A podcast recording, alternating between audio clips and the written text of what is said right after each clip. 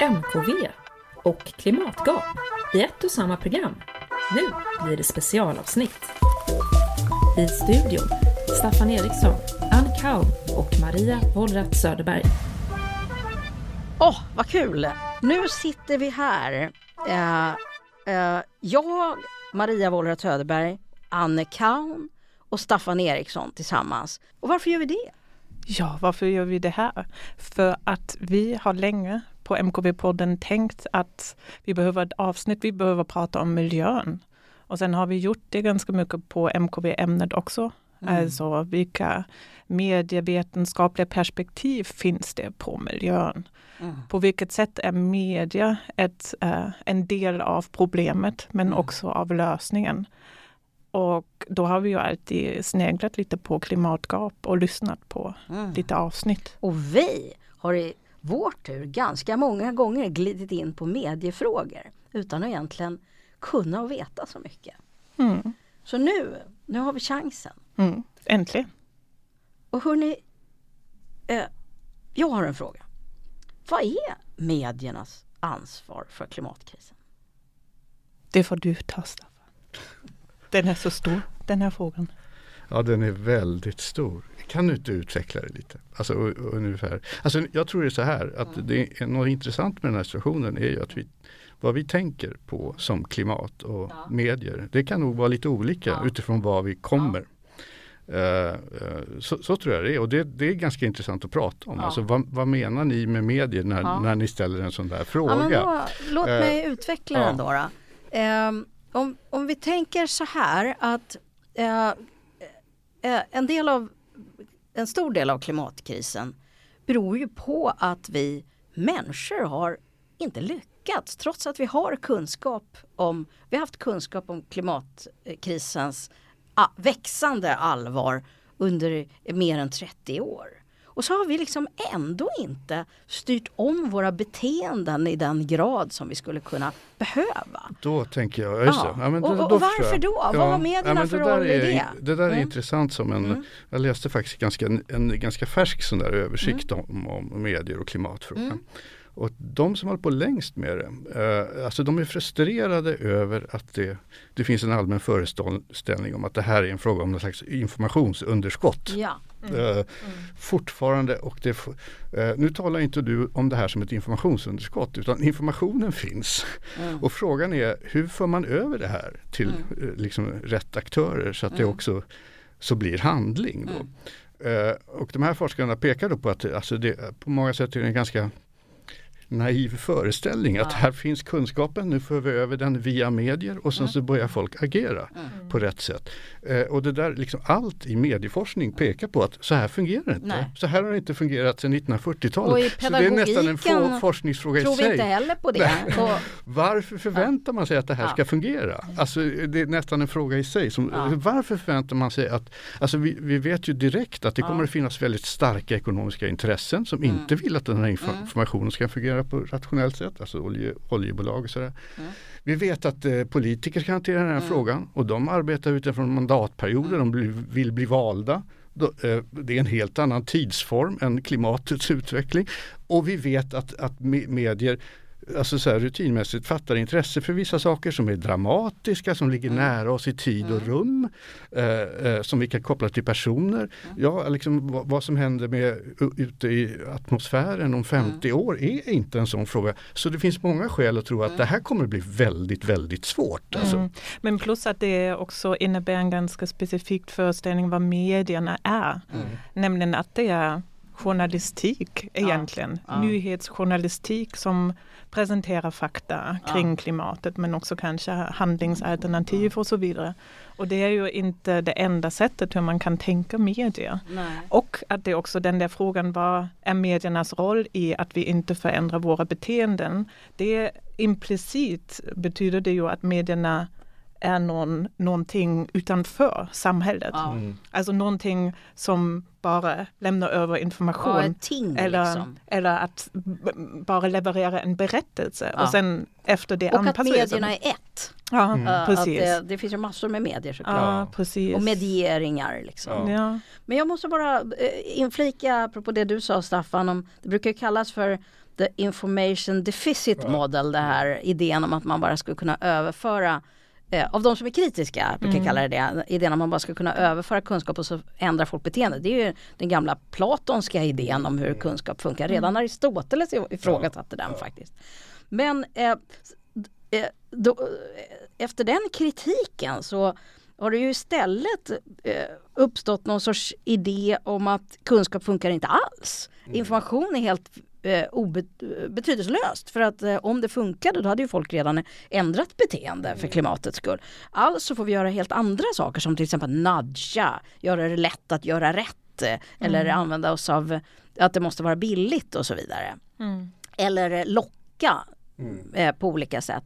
Och det där verkar ju vara en, en, en motsättning mellan de här två världsbilderna som jag tänker att de båda har fel. Alltså det är ju någonstans däremellan det ligger. För att det är ju ändå så att eh, det som vi hör och möter i olika medier påverkar oss på olika sätt.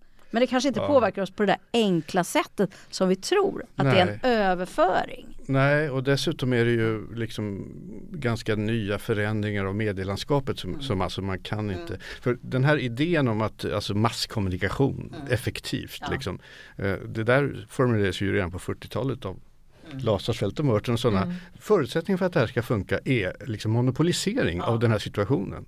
Och den föreligger inte. En, en, annan förutsättning för att det ska funka, de har tre krav. Den andra är det ska förstärka redan existerande attityder. Mm. Och det så är det inte i klimatfrågan om man tror på det. Va? Eh, så att det finns mycket som liksom talar emot och det behöver inte betyda att man ska överge hela hypotesen men förstå vad är utgångspunkten. Och då, då till exempel att det finns Alltså hur undersöker man ens liksom mediernas bild av klimatfrågan? För 40 år sedan var det kanske, ja vi tar SVT, radio och ja. fyra dagspresstidningar. Och det, det är ganska rim Här har vi ett centrum för offentligheten. Mm. Det, det existerar inte riktigt idag. Alltså vi har eran podd, andra ja. poddar. Var, var, hamnar de i det där? Hur ska vi ens få liksom kläm på det?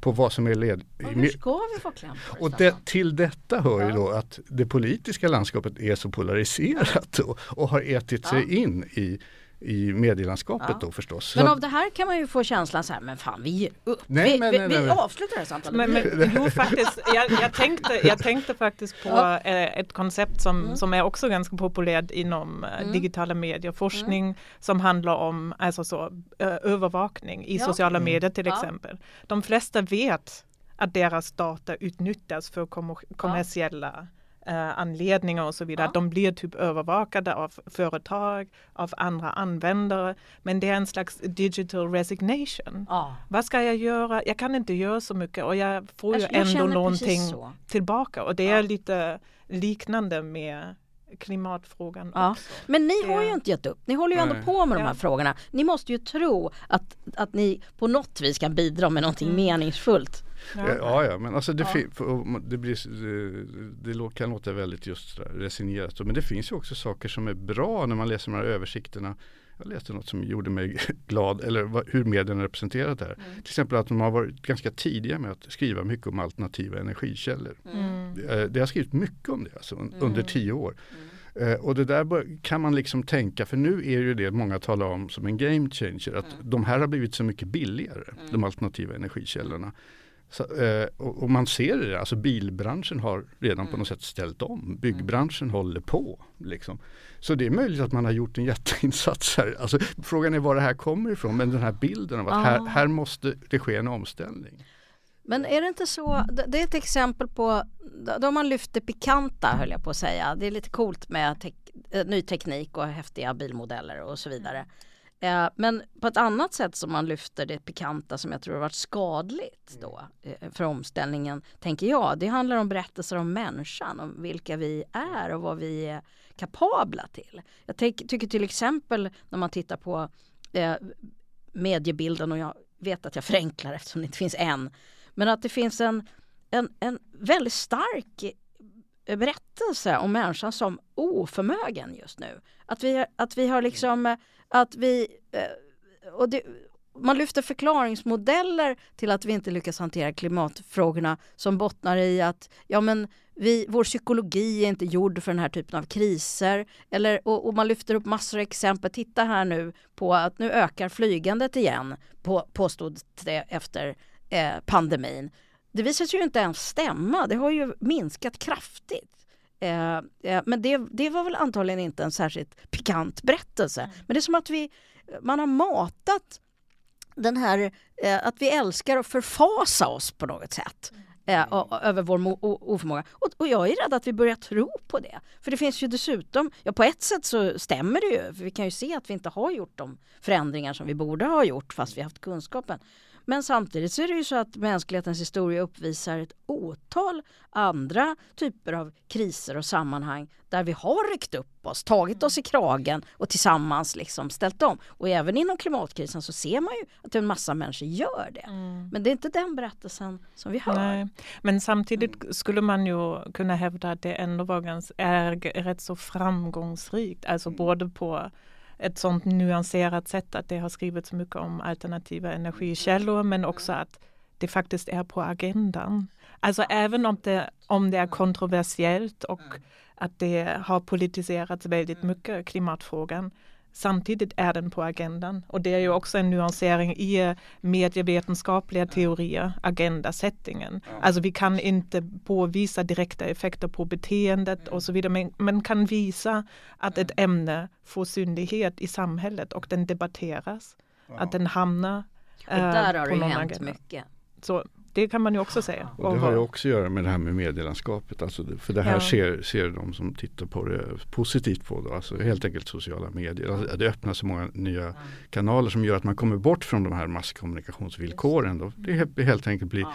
variation i rösterna. Och det måste man då förstå att det är så det fungerar. Och det, på gott och ont för här kommer ju polariseringen tillbaka. Mm. Uh, men men det, det här är det som är förutsättningen nu för att diskutera Eh, Eh, sådana här frågor. Eh, jag tycker jag ser en annan trend också. Jag vet inte om ni håller med om det. Det är nämligen att man från att ha talat om klimatkrisen som ett, vad ska man säga, ett naturvetenskapligt problem och så mer och mer kanske som ett tekniskt problem till att man nu talar om det mer som ett beteende problem eller man kopplar det till människan och hur vi lever och, och till sånt som kommunikation och, och även till moral och till rättvisa. Ja. Ja. Men eh, apropå saker som har förändrats då mm. i en annan sak som var intressant tyckte jag, en av våra tidigare gäster, Anders Ekström, han gjorde en sån här undersökning mm. runt 2010-2011 om var tidsformer i on, on, journalistik och särskilt online-rapportering. Ja. Där han liksom kunde se att den här, de här väldigt långa geologiska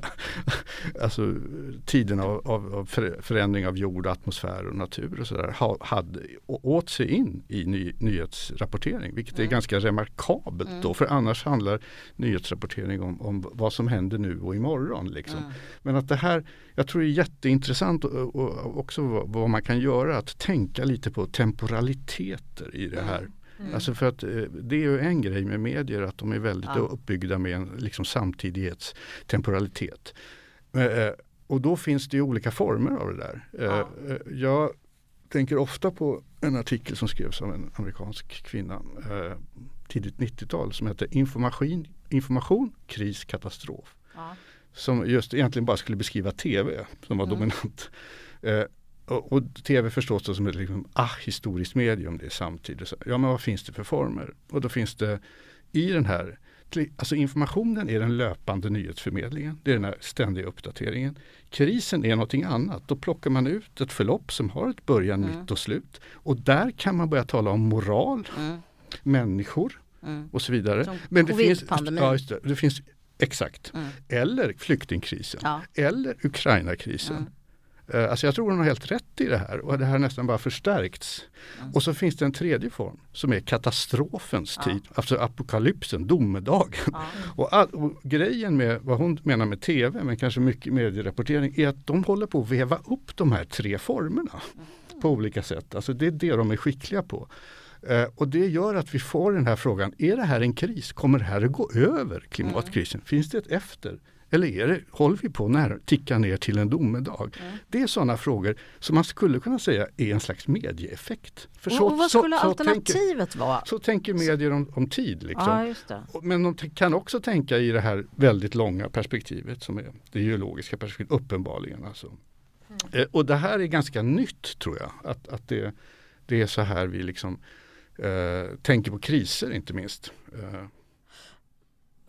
Då vill jag associera vidare kring det här med tid. För det är också en sak som jag tycker mig se nu. Eh, det är faktiskt att journalister börjar bli mer kunniga när det gäller nu finns det, det var som att det var ett särintresse mm. förut och nu blir det en bredare, jag tycker ändå att det, man sällan ser den där typen av missförstånd i journalistiken som, som, som förekom tidigare. Eller att det, att det presenterades just som ett särintresse. Och då, en sak som jag sett är också att, äh, att journalister har faktiskt blivit duktigare på kritiskt, kritiskt tänkande eller problematisering också. Eh, och ett exempel på det gäller just tid. Mm. Därför att eh, nu har det ju varit så eh, i den politiska debatten att det har varit väldigt starkt fokus på tekniklösningar. Eller technosalvation som det är, eh, lite elakt brukar kallas. Eh, men den dimension då som blir riktigt problematisk, för visst vore det väl skönt för oss alla om vi inte slapp ändra beteende själva och tekniken löste problemet. Men det som är problematiskt är att man ofta missar tidsskalorna.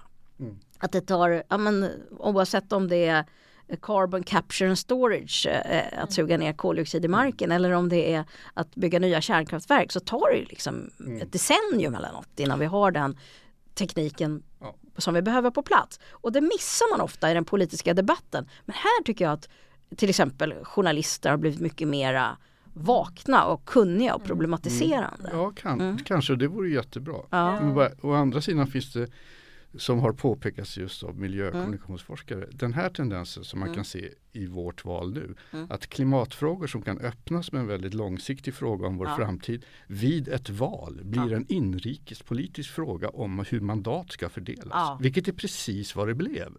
Alltså, eh, eh, så helt plötsligt ska inte vi följa EU-policyn där, därför att då får man inte den här majoriteten. Nej.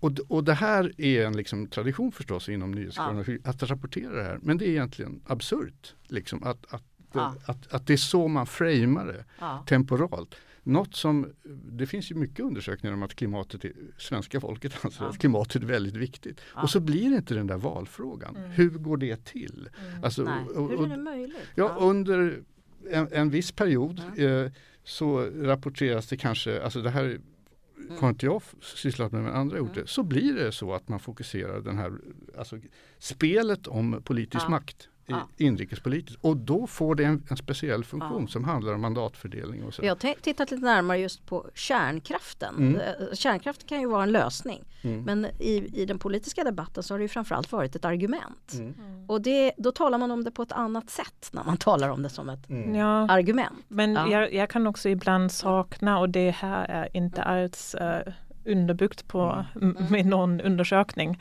Mm. Uh, men lite bredare alternativa föreställningar. Mm. Alltså så att man kanske pratar om elbilar, mm. nya former av batterier. Mm. Men egentligen handlar det om hur vi bygger urbana miljöer. Mm. Att vi inte, elbilen kommer inte lösa klimatkrisen. Nej då investerar vi i en transportform mm. som är ohållbart från början. Mm. Fast det är kanske en lite finare batteri som har massor med följdproblem. Och inte tänka på, okej okay, vi borde förtäta uh, hur vi bor och ha uh, kollektivtrafik ja. och inte fler bilar på gatan. Och, och sen finns det... Ja, Men det här är massa. jätteintressant Ann.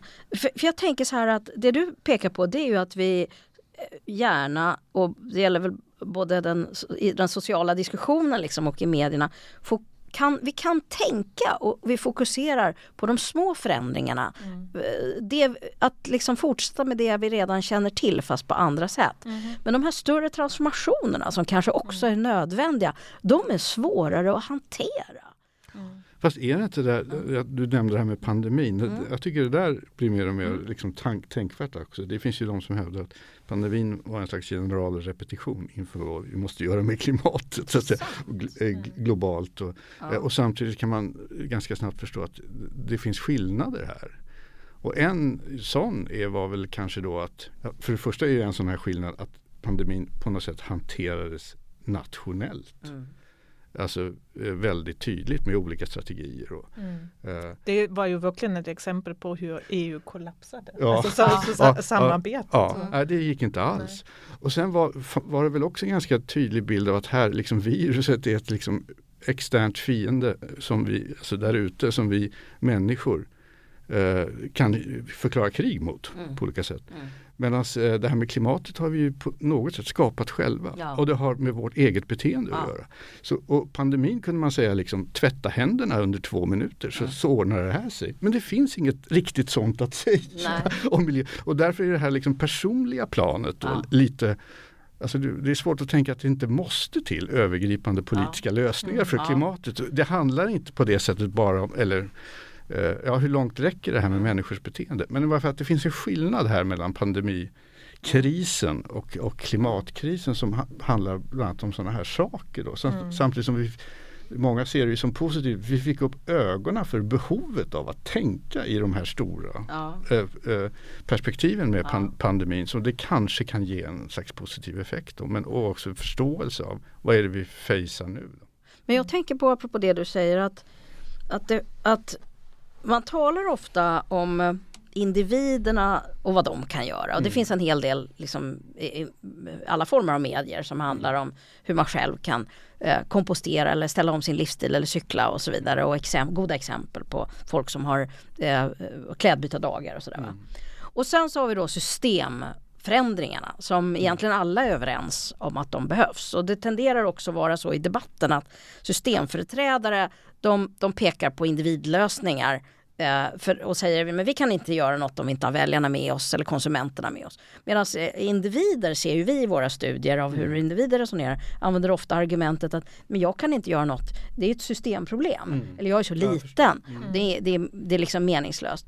Och, men vi talar om det som om det inte fanns något någonting däremellan. Mm. Och, och en stark eh, insikt från, från min egen forskning det är ju att det är i mellanrummet det händer. Och det är framförallt normer eh, som gör skapar jordmånen för systemförändringar. Egentligen verkar inte systemförändringar alls kunna inträffa utan att, att det har skett någon typ av normförändringar så att det finns något, någon, liksom, någon typ av stöd.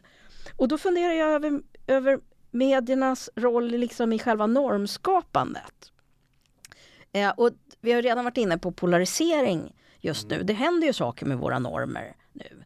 Eh, eh, och hur kan vi liksom förstå det? Ta, ta då till exempel våra idéer om vad som är normalt och vad som är rättvist. Mm. Eh, eh det skulle vi kunna börja med. Alltså det finns massor av föreställningar har vi sett bland eh, svenskar som är klimatengagerade eller åtminstone liksom eh, ansluter sig till en idé om hållbarhet så kan det fortfarande finnas massa idéer om att det är någon annan som måste lösa problemet. För vi är ju så duktiga på det här och vi älskar ju naturen. Och vi har ju låga utsläpp, vi är dukt, ett duktigt land liksom. Mm. Så, och, så alltså borde någon annan eh, eh, gå före, eller den typen av idéer. Eh, och, det, och, det, finns massor av liknande idéer, idéer om frihet. Ehm, eh, eh, och friheten att få konsumera eller göra vad man vill, den ska inte någon inkräkta på men eh, ja, till exempel i den liberala idén så finns också idén om att man måste eh, ge andra människor frihet och inte, inkräkta på deras frihet. Och när vi inser att vi gör det genom vår konsumtion mm. som, eh, som, som tar av andras utsläppsutrymme, mm. ja. ja. men då, då, då får vi syn på andra saker. Mm. Eh, och jag tänker att medierna på massor av olika sätt sätter ju våra normer. Ja, men influencers är ett väldigt tydligt exempel men överhuvudtaget det som rapporteras mm. om, det, om, om, om jag får veta att nu, nu ökar flygandet igen efter pandemin. Och då, varför ska jag då ställa om? Mm. Eh, om det är ett eh, för om ingen annan bryr sig, varför ska jag låta bli att flyga? Eh, och, om det där då inte är det enda möjliga sättet att beskriva det som händer, för visserligen ökar det efter pandemin, flygandet, men det är ändå på en 25% lägre nivå mm. än 2017. Jo. Så kan det också beskrivas. Mm. Och då talar det om för mig att, men vänta nu, det håller på att ske en normförändring. Mm. Jag kan vara del i det. Men samtidigt, mm. om man ställer frågan så, då är det igen den där mm. föreställning att medierna är på något sätt utanför den här förhandlingen ja. av olika positioner av möjligheter till förändring eller icke möjligheter till förändring.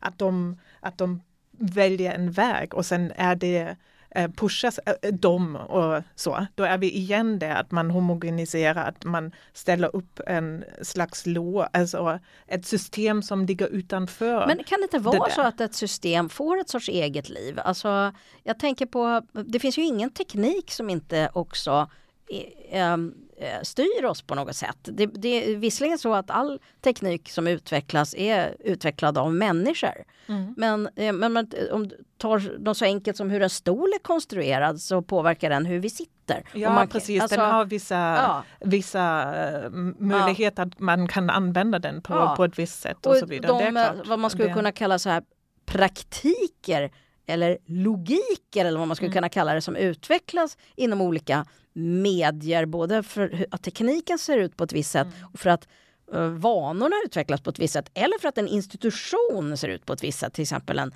tidning eller public service och så vidare. Mm. Kan ju också uh, det blir ju en inbyggd logik i det som också påverkar ja, ja, ja, på olika sätt. Absolut.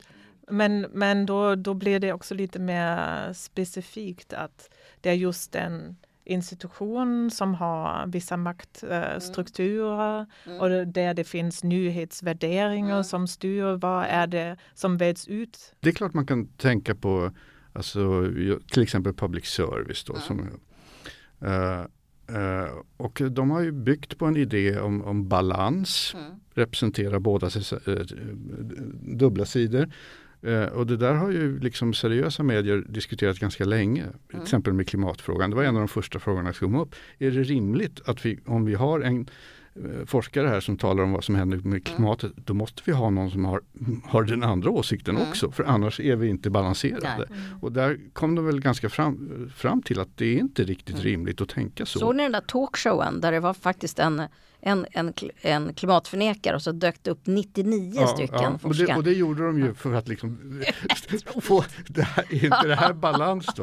Eh, men att det finns många sådana liksom föreställningar om vad, vad journalistik eller public service ska göra. Som, och det, det ligger ju nära också det här med, med fake news-idén. Eh, liksom. Om, vi, om vi menar att de här ljuger faktiskt om klimatet, måste vi inte skriva det? Och det gör ju New York Times och, och Washington och ett sånt där enkelt ord som vilka ord använder vi? Guardian gick ut ganska, ja. eller, och sa att nu talar vi inte om klimatförändring, vi talar om klimatkris. Ja. Där har vi den liksom stora ja. retoriska, det här är en kris. Liksom, det är en markering som eh, men alltså de får ganska mycket att tänka på utifrån sina ideal och normer och värderingar. Hur, Har man då några exempel från eh, personer i min bekantskapskrets som är, är journalister mm. som eh, rapporterar att det blir att de blir rädd, mer och mer liksom rädda och försiktiga med att, att äh, lyfta fram eller att hävda att klimat, liksom klimat, att så att säga kriti kritiskt granska påståenden utifrån klimatvetenskaplig forskning. Mm.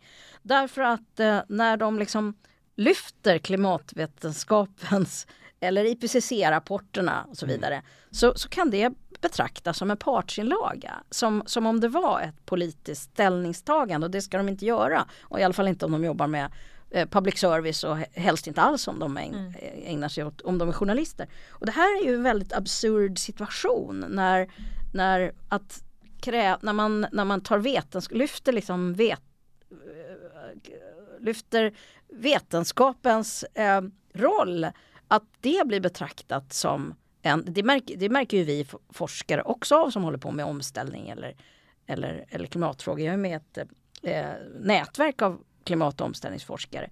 Och det är fler och fler som berättar hur de blir kallade alarmister för mm. att de pekar på klimatforskning. Mm. mm. Och vad, vad, det är ju den omvända världen liksom, när forskning betraktas som, som något känslomässigt som, som man borde akta sig för. Liksom. Mm.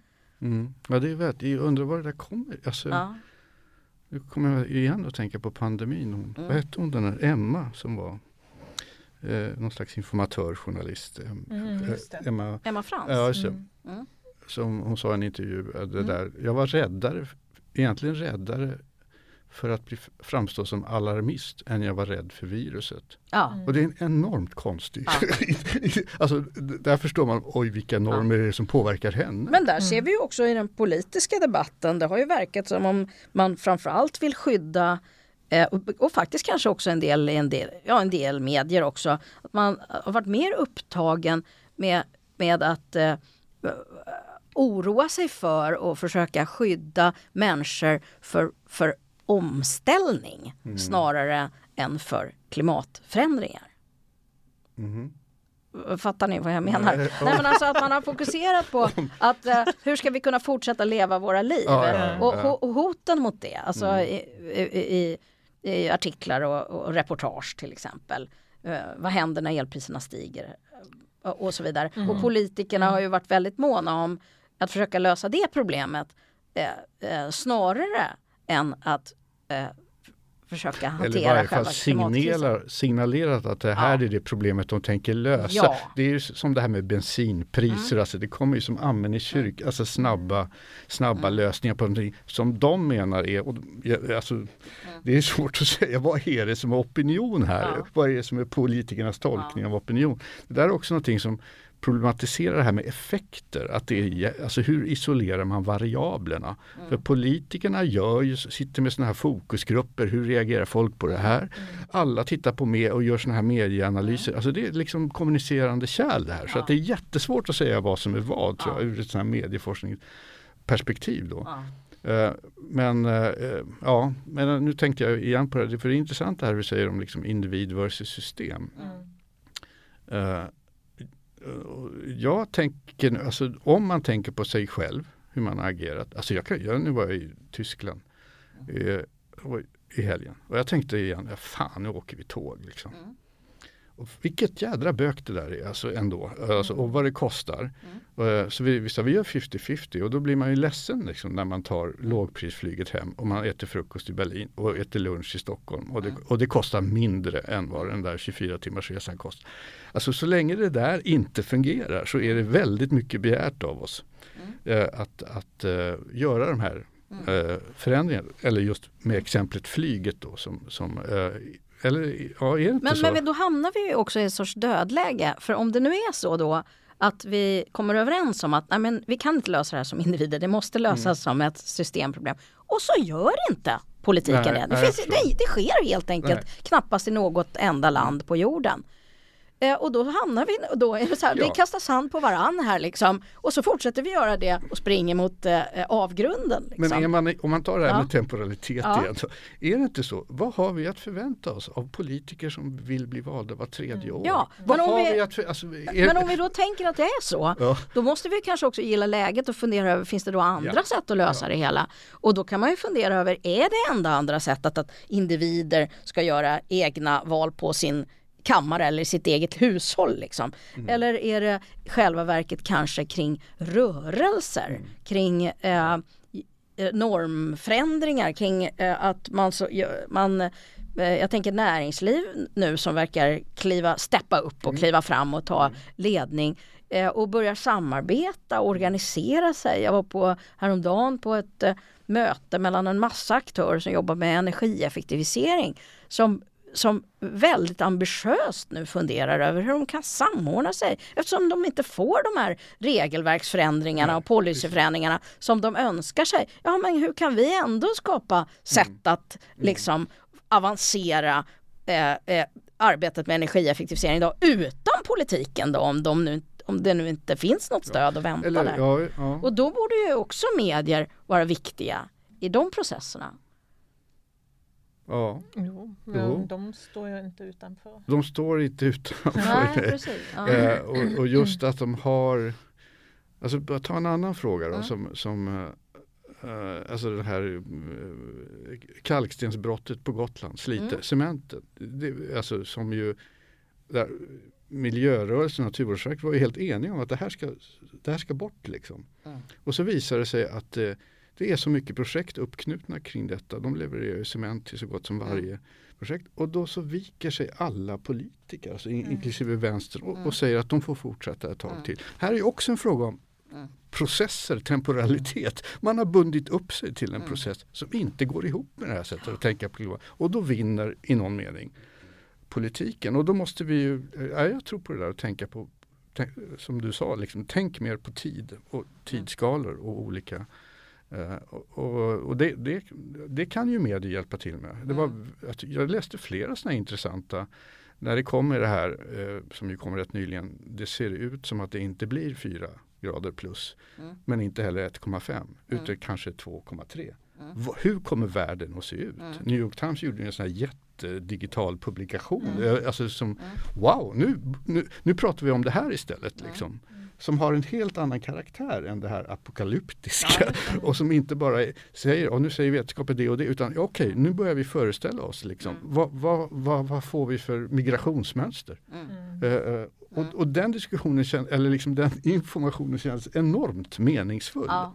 Mm. Uh, som en slags mer, en, väldigt ambitiöst som sådana som New York Times kan göra. Men, alltså, ja, men absolut, ju... och det, det var jag tänkte just att det krävs ju lite förutsättningar för att ja. kunna alltså ha det mm. utrymme för att ja. kunna föreställa sig ja. och just mm. ställa frågan på ett lite annat sätt som, är, som inte är så apokalyptisk. Som, mm. som, men ändå påvisa, okej okay, vad, vad, är det faktiskt för Men samtidigt så det apokalyptiska Eh, det är ju eh, något som, det är ett ord med en dålig klang liksom. Mm. Samtidigt så, och, och, så har det varit en, funnits en idé om att man absolut inte får skrämma människor. Mm. Varken, det är inte mediers uppgift och politiker aktar sig för det och sådär. Samtidigt så verkar det som, eh, ser vi i vår forskning, att rädsla är en jätteviktig drivkraft och kanske är den allra viktigaste. Det finns ingen annan anledning att ge upp saker än att man Eh, är rädd eller rättvisa, att, samvetet liksom spelar in. Och även moral har man ju aktat sig för moraliska perspektiv. Mm. Och om vi tänker på den process som vi tycker oss se för människor som faktiskt ställer om och, och, och det gäller både individer i hushållet och det gäller folk som som, som har ett bredare inflytande, de är också människor. Mm. Då är det en erfarenhet av att klimatkrisen har kommit nära dem. Det är sorg mm. över det som håller på att gå förlorat. Mm. Det är att de har fått utrymme för att sörja det de måste ge upp och ha någon sorts socialt stöd för det. Och det är att de har fått syn på ett rättviseperspektiv och börjat ifrågasätta vad som är normalt. Mm. Och de här grejerna är ju ganska osynliga i medierna. Eh, och nu sa jag det där igen, medierna som en klump liksom. Mm. Men, men eh, jag skulle ju tänka att det är synnerligen relevant eh, eh, innehåll, sakinnehåll i, i, min dagstidning och få veta mer om ja, men hur påverkar klimatkrisen mina platser. Ja. Men tycker hur, du, det skulle vara intressant att se det. Alltså ja. för att, uh, annars är ju det här nyhetsvärderingstänket är just. Ja, när vi får extremväder, mm. då blir det fart på det. Alltså ja. när, när det blir varmt mm. eh, och när det här drabbar personer med översvämningar, ja. då kan vi skriva, då kan vi göra reportage. För då ha, är det dramatiska händelser som är nära oss som inverkar. Men då har det ju redan då, hänt. Ja, just ja. ja. ja. Eh, men, för mm. Erika Bjärström gjorde en bok som eh, heter Klimatkrisen Sverige för, för eh, kanske mm. ett eller två år sedan. Där hon har gått igenom liksom landskap för landskap. Vad är det som händer här? Trädgränser flyttas och så mm. vidare. Och det, det, det, jag har träffat många som har läst den som har blivit väldigt påverkade och mm. rapporterar att den fick dem att liksom mm.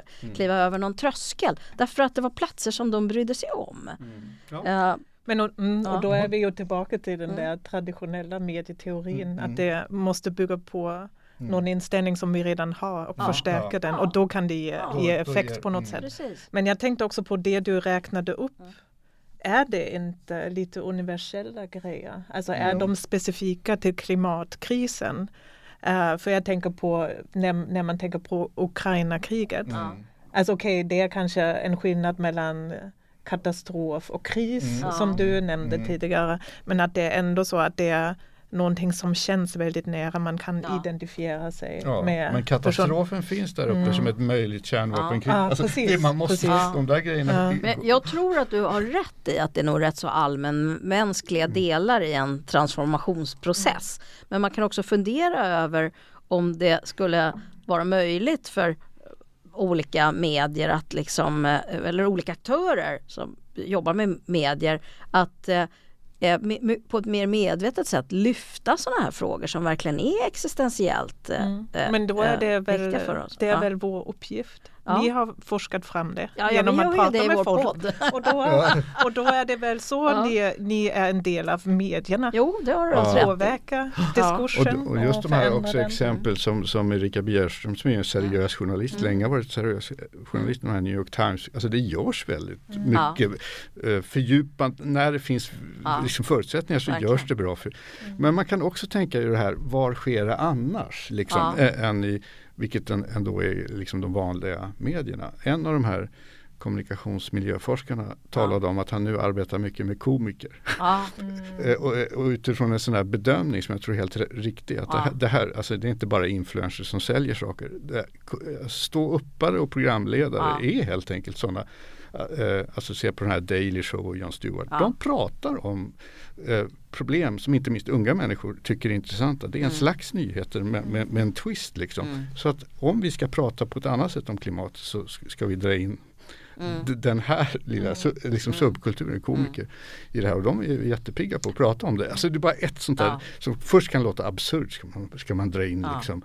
Eh, men sen, sen, sen, det handlar ju om hur man ser på medielandskapet. Vi hade ett, ett avsnitt här om, i Klimatgap som handlar om konsten eller kulturens ja, potential. Den lyssnade jag på. Jag ja. kan rekommendera. Ja. och då pratar vi bland annat om det, det fantastiska diktverket av Andris När Magnusson mm. som handlar om smältande glaciärer. Ja, mm. Men som är så oerhört gripande. Så många ja. människor som har blivit så tagna av det. Och där ordnar man ju också en ceremoni och skapade en minnessten för en smältande glaciär. Och man kan också mm. fundera över sådana format. Mm. Absolut. Mm. Och, och, det är det, mm. den där liksom att kanske inte bara tänka journalistik mm. utan tänka alltså, traditionella journalistiska ja. former utan variation på det området. Mm. Det kan absolut vara. Men då vill jag ställa en annan utmanande mm. fråga. Jag är med i ett eh, forskarnätverk eh, som, där vi funderar väldigt mycket. Liksom, hur kommunicerar vi vår forskning på ett bra sätt? Och då börjar vi förstå att väldigt mycket av, av vad ska man säga, meningsskapandet verkar ske i medier som inte vi begriper oss på. TikTok liksom. Eh, och man pratar så oerhört mycket om olika algoritmer som leder till det ena och det andra och på något teoretiskt plan så går det att begripa vad det där innebär. Men i praktiken, liksom, vad betyder det? Att vi, hur, hur vi kan förhålla oss?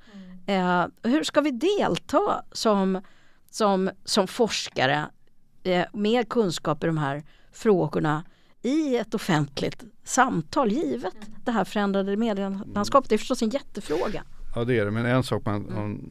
alltså det här du sa om teknologi och nyheter. Mm. Det gäller ju väldigt starkt på medieområdet. Ja. Alltså alla pratar om TikTok. Det är egentligen ganska ja. oklart om vad, vad det ja. eller, och Vi möter ju studenter som säger att det är ingen som tittar på TV nu utan det är bara Youtube och TikTok. Och ja. det där stämmer ju inte. Nej.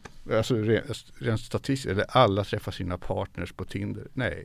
Nej. Det kanske är en av fem eller något sånt där, fyra av fem träffar på. så att, ja. alltså det är väldigt lätt att överskatta de här, mm. också på medieområdet, ja. de teknologiska förändringarna okay. och digitaliseringen och så. Det där mm. ser man hela tiden att det finns liksom mm. hyper som också mm. kommer från mediebolag eller nya teknikföretag mm. om att det här är helt nytt på det sättet. Mm. Och det är mycket som, som förblir, och det är också inom forskningen då. För att uh, det var en sån här eh, sammanställning 2021 som mm. då påpekar att de flesta undersökningar om klimat i medierna handlar fortfarande om traditionella medier och gör kvantitativa innehållsanalyser ja. av det. det. Och det här har ju kritiserats i 40 år. Men det är också år. så jäkla liksom, svårt det, att få fatt på det i, om det är i andra ja, medier. För ja, hur ens ja. fångar man ja, det? men det är väl liksom? det man måste liksom vara, vara och där finns det ju försök till att uh, hur man kan spara och tracea och, mm. och så vidare. Det, jag, jag tänker att det är kanske inte en sån stor annorlunda sätt att uh, tänka kring kommunikation av forskningsresultat eller att undersöka just innehåll på de plattformarna. De, mm. de har sina egna logiker, de har format man måste anpassa sig till eller utmana och så vidare.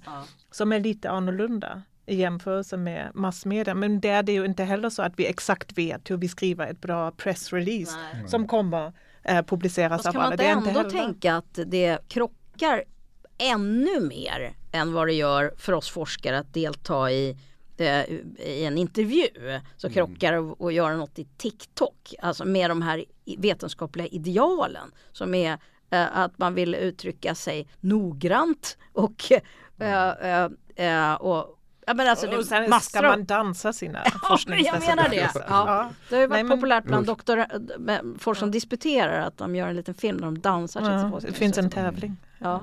Men Mm. jo visst, eh, det är en utmaning. Men jag tänker att det är, att det är kanske en till en acceleration av hastighet och så vidare. Att det är förkortat. Alltså att man har ännu mindre utrymme än man har Ja. i kanske journalistiska Ja, Twitter, möten. och så. Twitter är ju sånt där exempel. Ja, Antalet tecken är ju liksom verkligen ett sånt där. Och där är faktiskt många forskare aktiva. eller Men där har man ju också kringgått det genom att ha trådar Ja. som Ja, är det är mycket sant. längre och så. Som Och är länkar. jätte, jättelångt. Ja. Alltså, så jag tror inte att det är, alltså där ska man inte heller vara så apokalyptisk. Man Nej. hänger inte längre med. Och, och man må, men man måste såklart också Ja, jag vet inte, utmana formatet Ja. lite grann och se. För nu upplever jag som granskare av forskningsansökningar att det är väldigt snabbt att folk skriver in och sen ska vi ha en TikTok-kanal och Ja. kommunicera våra resultat. Man bara så, jaha, hur då? Eh, hur hur kommer, alltså Ja. väldigt instrumentellt och det är ju alltid så när också man, man tänker kring konst som bara ett medel för Ja. att kommunicera så blir det inte bra konst. Nej. För den är inte där Nej. för att kommunicera information. Nej. Den är där för att skapa mening, Ja. att folk känner resonans på något sätt. Och det, då måste man också ta konsten på allvar och inte som en kommunikationskanal. Och på samma sätt är det väl också med plattformarna. Ja. Så att det är mm. en viss logik folk- som måste, man måste lära sig. På har något sätt. skrivit om, alltså också med andra kriser och globalisering Mm. och så. Stefan Jonsson skrev ju om sånt där tidigare att konsten egentligen har tagit över någonting som journalistiken borde Mm. göra. Att formulera de här stora frågorna. Och jag tycker också vad termer av fördjupning, för det, om man tänker att TikTok är motsatsen till fördjupning, ja då har vi ju poddarna som verkligen fördjupar. Jag tycker det bästa jag har hört sådär, som sammanfattningar av klimatfrågan de sista åren har varit i poddar, alltså internationella poddar som jag aldrig skulle ha kommit åt som en vanlig eh, konsument. Så att det, Långa tankar. Ja, långa tankar. Eh, Till, eller streamade tv-serier, dokumentärserier. Ja, Så, alltså det finns mer utrymme Men, och för det, det finns ju kanske inte direkt relaterat till klimatkrisen men BookTok Ja. så, som bara som en ingång. Och sen delar man läsningar. Det handlar om böcker, långa böcker Ja. som unga läser på grund av att de är med på TikTok och får reda på Ja.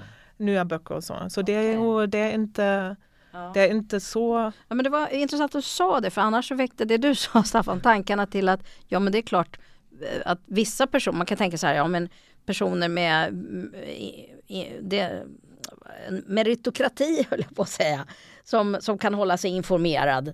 Eh, eh, Att, att, det vet, att det vet det fan. Alltså Ja. jag, jag, för, eller nu kanske det är så. Men jag kommer ihåg diskussioner, samtal, middags med så här folk som jobbar på, på radion och tvn där, för fyra, fem år sedan som inte hade lyssnat på en enda pop och som bara satt och, och var lite kaxiga och stöddiga över de där jäkla Alex och Sigge, det är bara strunt och sådär.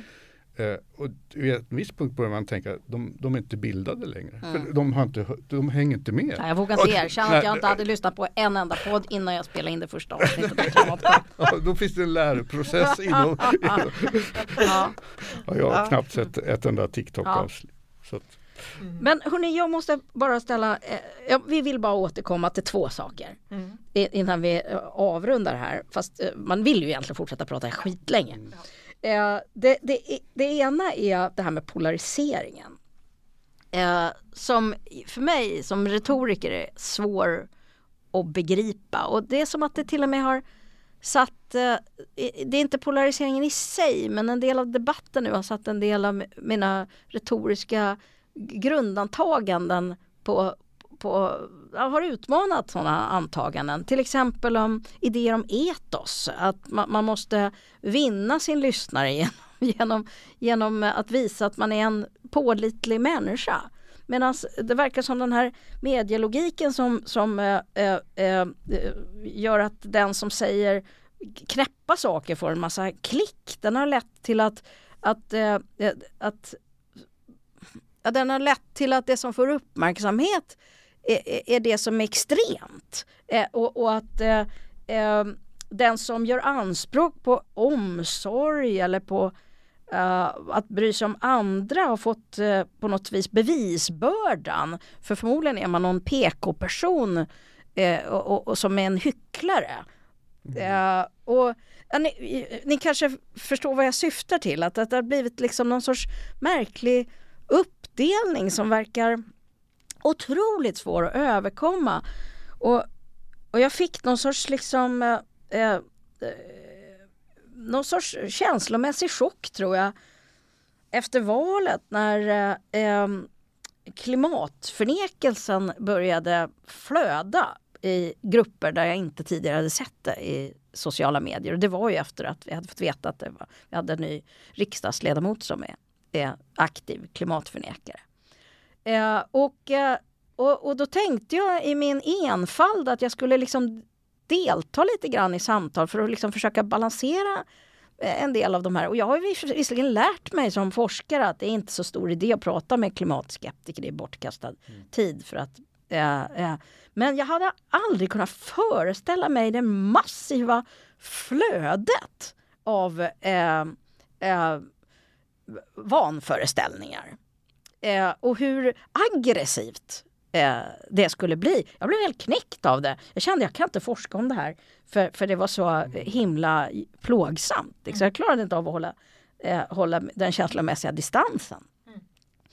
Eh, och så det har gjort mig lite rädd när jag har sett liksom hur, hur den här liksom polariseringen verkar öka och ta sig uttryck. En del påstår att det inte är någon polarisering utan det alltid har varit funnits polarisering. Men vad säger ni om om det.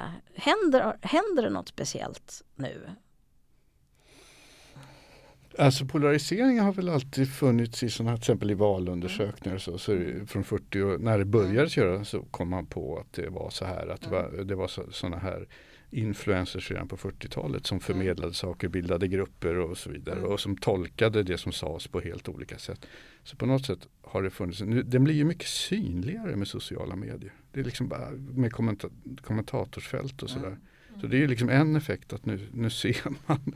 Mm. Uh, men jag, jag, tror också att det där, liksom, hur kopplas, alltså om vi säger att det finns en våg av vad det nu är, alltså populism, globaliseringskritik. Mm. Hur kopplas det där till vissa frågor mm. som klimatfrågan, vaccinering? Mm. Hur går det där till? Liksom? Mm. Det vore i sig intressant att, att titta på. Har du någon på. hypotes nej, Staffan? Nej, det är det jag inte, det är det jag inte har. Mm. Alltså för att eh, man har en känsla av att det här är lite godtyckligt. Mm. Alltså det som ja. representerar någon slags elit, någon slags liksom mainstream det, media. Det, det blir en måltavla. Ja. Det, alltså det blir en måltavla. Och, uh, ja. Men och där har jag ett exempel igen från mm. pandemin. Mm. Där jag ju följt både diskursen i Tyskland och i Sverige. Mm. Och det är den populistiska diskursen. Alltså det är mm. verkligen sådana floating mm. ämnen som kan plockas upp och politiseras. Mm. Det spelar ingen roll vad det är för innehåll egentligen. Mm. Bara att det presenterar ett mm. alternativ till establishment. Mm. Okay. Och is, alltså bara mask, att bära ansiktsmask. Uh, Positionerna i Tyskland och i Sverige var helt motsatta. Alltså om man tänker så alternativa, populistiska eh, mm, diskurser. Mm, mm. Och då spelar det ingen roll vad det är för någonting. Det är bara att det är motbilden ah. på något ah. sätt. Ja, det är, det är så. så. Men hur ska man men, förhålla sig men, till men det jag, då? då? Som, som, ta som forskare eller som människa som jobbar med klimatfrågor. Men också tänka på för, ah. Oh, när jag vill inte ah. hamna i någon media literacy. Ja. Man ska tänka på vad är det för innehåll, för det är också så otillfredsställande.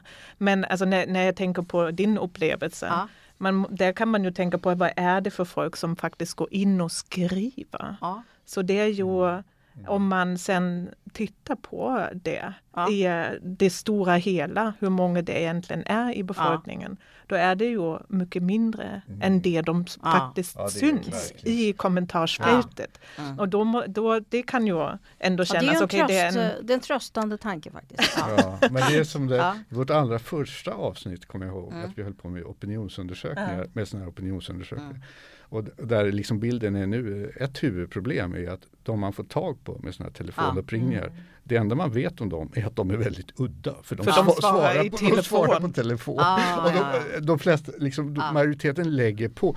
Eh, ah. Så att det är någonting med det där förhållandet, alltså det här med som okay. ni håller på med också med tillit och förtroende till vissa institutioner som ligger i grunden här, kanske snarare än sakinnehåll. Alltså tänk bara på när Trump-anhängarna i Amerika hade såna, gick omkring med skyltar Gör som i Sverige. Mm. Alltså, eh, eh, mm. med, eh, hur, hur, förstår man? Alltså, hur, Nej precis och samtidigt, det, och samtidigt var Sverige måltavlan ja. av the abyss. Ja. Alltså, här är det, det, det, alltså det, är, det är katastrof i, i Sverige um, med uh, Pride och så vidare, feministisk utrikespolitik. Men sen mobiliserade Sverige som vi borde göra så här i pandemin ger oss friheten. Men, men och, ja, det här pekar åt två håll. Det ena är så här, ja men man, det här är representerar kanske inte. Man får, man får faktiskt tänka sig för innan man, när man tolkar vad det här representerar. Mm. Det kanske inte är så, så, så mycket. Men å andra sidan så får jag ju känslan av att det här är så himla slumpartat eller godtyckligt att, att man egentligen inte kan göra någonting. Men varför, jag, jag förstår, alltså, kan det inte bara vara i sådana mm. fall, jag vet inte om du mm. personligen, men att mm. många har haft en övertro på det här med mediernas ja. sätt att ja. informera. Och, för, alltså man har, ja. Eh, och journalisterna har haft lite för hög svansföring om deras moraliska, eller vad de kan göra och inte göra. Och att det här måste liksom anpassa sig till ett men nytt klimat. Men hur formas eh, folks uh, värderingar då, till exempel inför val? Ja, det, det, är nog väldigt svårt att veta, som sagt. Det är Uh, Om där, inte medierna spelar roll? Liksom. Med, medierna spelar ju roll. Och I kombination med, med, andra faktorer. Ja. I, med kon, det här betyder inte att medierna, ja. man kan ju lika väl säga att medierna spelar mer roll än någonsin. För att de, ja. de inte bara avbildar verklighet, de formar verklighet med deras sätt att liksom. Och de, den diskussionen det leder till diskussioner om vad har vi för ansvar. Ja. Ska vi säga att det här är en kris eller en förändring? Ja. Ska vi säga att han ljuger eller inte? Och på något sätt är det kanske en sund utveckling. Alltså ja. det, har, det har funnits för enkla ideologiska föreställningar. Om, om ja. vad, äh, och, och, och, för enkla vara, lösningar också. Nu måste vi bara skapa jättefint mediebudskap och då kommer allt bli bra. Det är ju att gå åt samma håll som den där tech knowledge solutionism. Alltså, ni säger precis som det som jag som retoriker alltid brukar säga. Det är mer komplext. Ja, ja. ja, det, det, det, är väl vi som. Det massa nyanser, ja. det beror på ja. situationen. Men från er hade jag ju ändå velat höra ett mycket ty klart och tydligt svar. Hur ska man leva? Nej jag skojar bara, det hade jag inte förväntat mig. Nej, men alltså, det finns ju också i termer av mediekrit mm. har jag tänkt på igen mm. med både pandemin och klimatet, en sån här reflex hos ja. vad ska jag säga, vanliga människor. Så när det började hända det här med viruset, eh, då fick jag mycket såna sms och sådär. Så nu måste ni nog gå och säga att det här är en total mediehysteri. Mm. Och jag tänkte, det är det inte alls. Alltså de gör så gott de kan, de rapporterar om, om någonting utifrån, ja, och de ger länkar till rapporter och sådär. Men väldigt många människor, inklusive välutbildade människor, liksom deras reflex är att det här är medieskapat. Mm. Och jag tror inte att eh, pandemin var inte medieskapad. Utan den, mm. den, alltså den var på riktigt. Alltså, så det finns massa mm. föreställningar om det här mm. också. Eh, som, eh, som vi måste liksom mm. tänka över och, mm. och, titta på. Då. Det påminner mig om något jag läste häromdagen. Jag kommer inte ens ihåg vem som skrev det. Men att vi tenderar att betrakta det som innebär en förändring oavsett åt vilket håll ja. det är som politik. Ja. Men det befintliga betraktar vi som neutralt. Mm. Uh, och det är ju lite intressant. Mm. Uh, för det betyder att vi inte kanske tänker på att i det befintliga uh, det, som vi tar för givet, ja. där blir vi också påverkade och styrda. Det ja, finns visst. en politik där också. Ja, ja. Hmm. Mm. Men det här måste vara någon slags rekord i vår, ja, vår hörni, historia. Det här blev ett väldigt långt men, samtal. Men, men, ja. men jag tycker om vi avslutar ja. nu så kan, kanske vi kan avsluta i MKV-podden Style. Ja, vad är det då? Och fråga dig, vilken låt skulle du välja? Hmm, oj, den var... Jag är ju musikalisk analfabet, det var svårt att svara på. Men, ja, uh, den här låten.